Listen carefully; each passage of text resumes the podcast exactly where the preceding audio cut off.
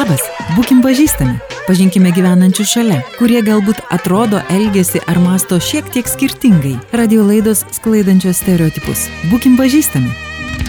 Šiandien dar viena pažintis. Vieni iš Šiaurės Indijos atvažiavo į Lietuvą prieš šešerius metus. Sako, čia ramybės oazė, jokios skubos, gamta ir taisyklės.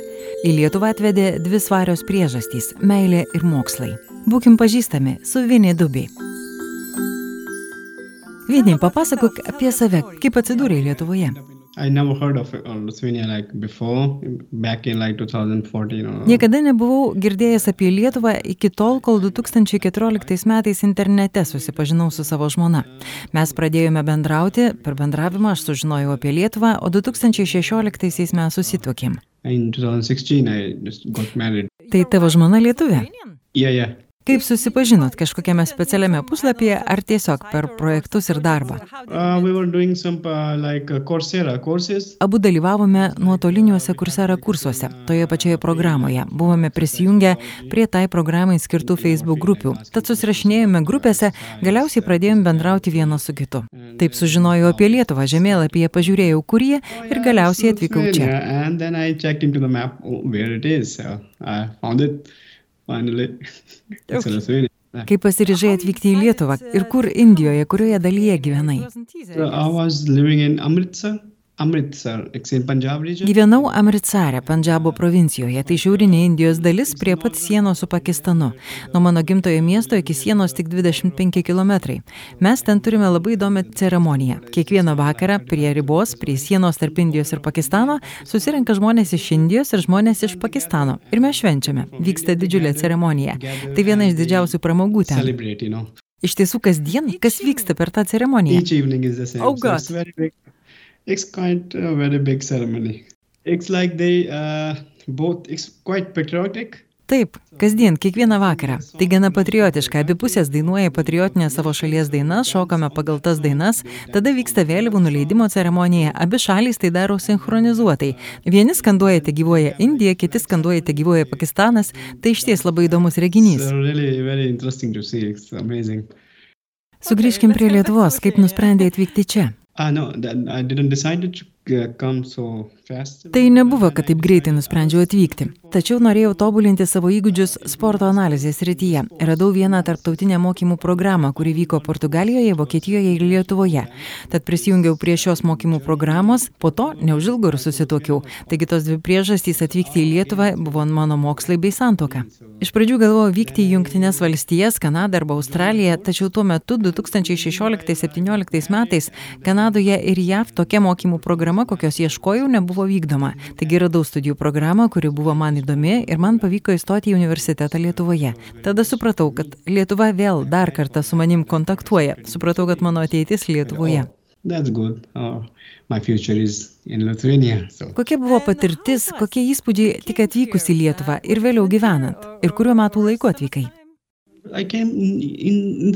Atvažiavau pavasarį, viskas buvo labai žalia, gana vėsu ir man patiko. Ne karšta taip kaip Indijoje. O tada atėjo ruduo. Teko nusipirkti striukę, tada atėjo dar žiema.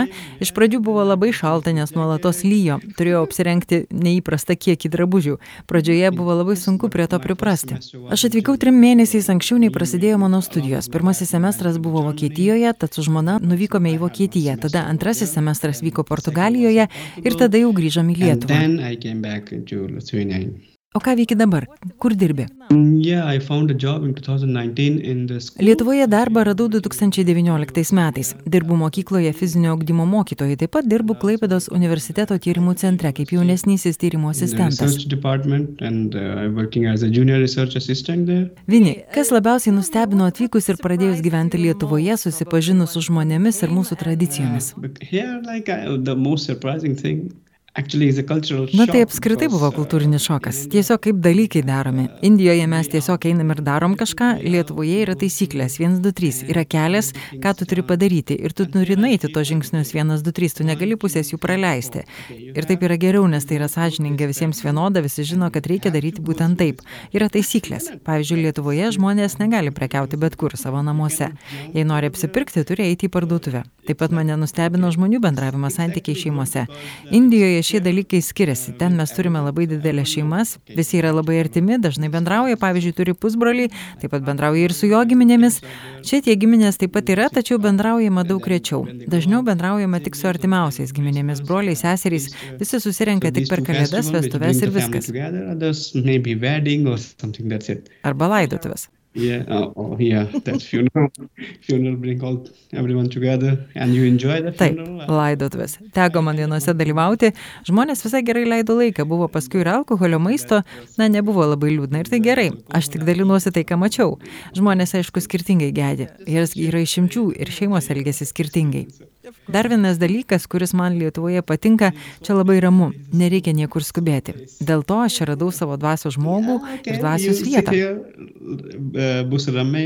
Čia visur žalia, jei tau liūdna, išeini į lauką, pamatai tą žalumą ir tau iškart pasidaro geriau. Klaipidoje, kur aš gyvenu, turime jūrą.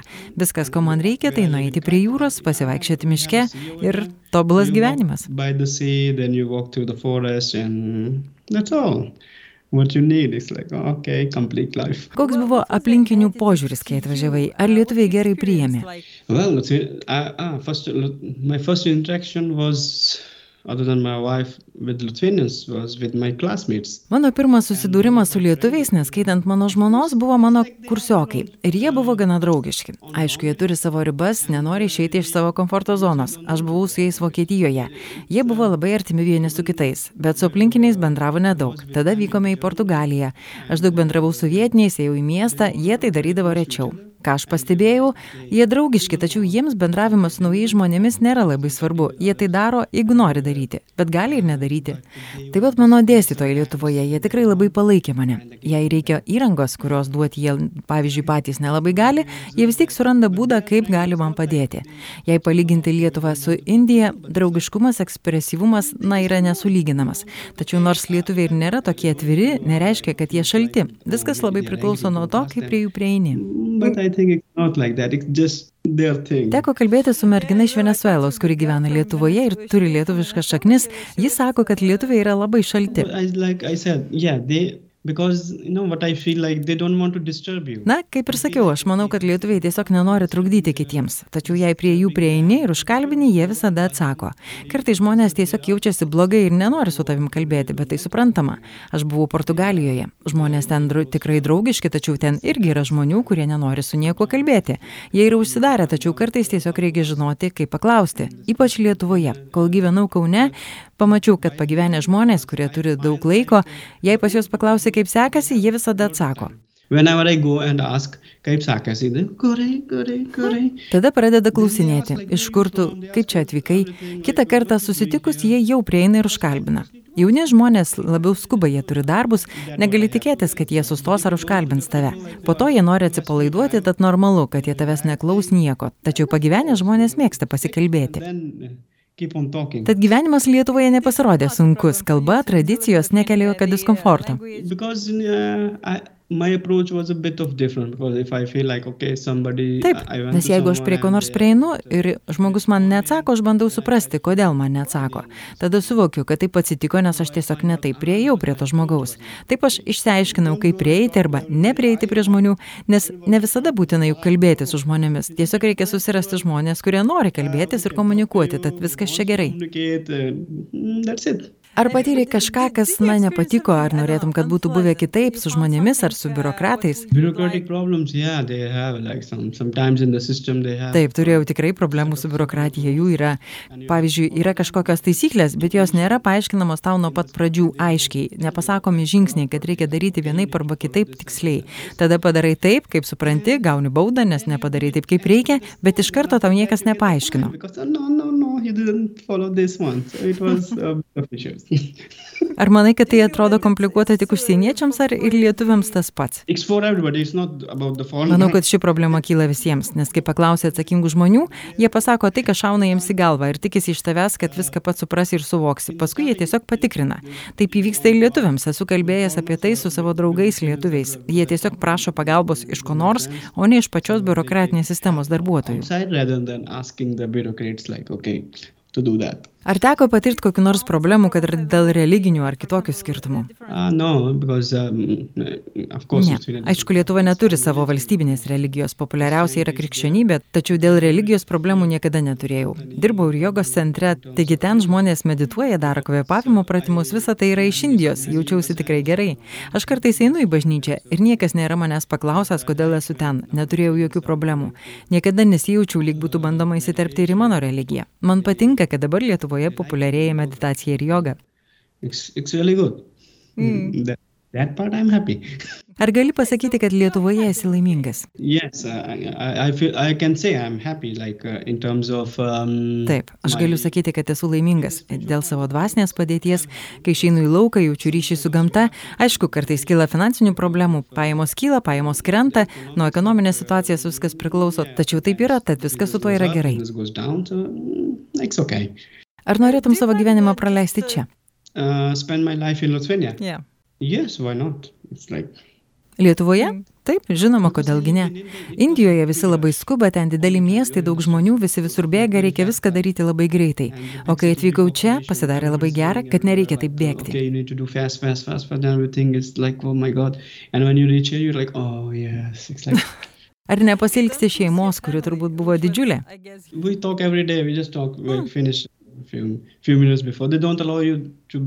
Mes kalbame kasdien, jie neleidžia man būti vienam. Visada kas kelias valandas kažkas paskambina ir klausia, ką tu darai, ką tu veiki. Aš jau kartais ir sakau, kad tik ką tau pasakoju, ką darau. Ar galima sakyti, kad balansas tarp Lietuvos ir Indijos, tiek skubos prasme, tiek santykių, jeigu visą tai apjungus, galima surasti gerą balansą? Taip, viskas su tuo tikrai gerai. Savo istoriją pasakoja puikiai Lietuvoje besijaučiantis iš Indijos atvykęs Vinidubi. Kitos pažintys jau kitą savaitę. Vinidubi kalbino Vilija Kvedaraitė. Laidą inicijavo nevyriausybinio organizacijų informacijos ir paramos centras įgyvendinant projektą Būkim pažįstami. Projektas yra bendrai finansuojamas iš prieglapščio migracijos ir integracijos fondo 2014-2020 metų nacionalinės programos lėšų. Labas, būkim pažįstami. Pažinkime gyvenančius šalia, kurie galbūt atrodo, elgesi ar masto šiek tiek skirtingai. Radio laidos sklaidančios stereotipus. Būkim pažįstami.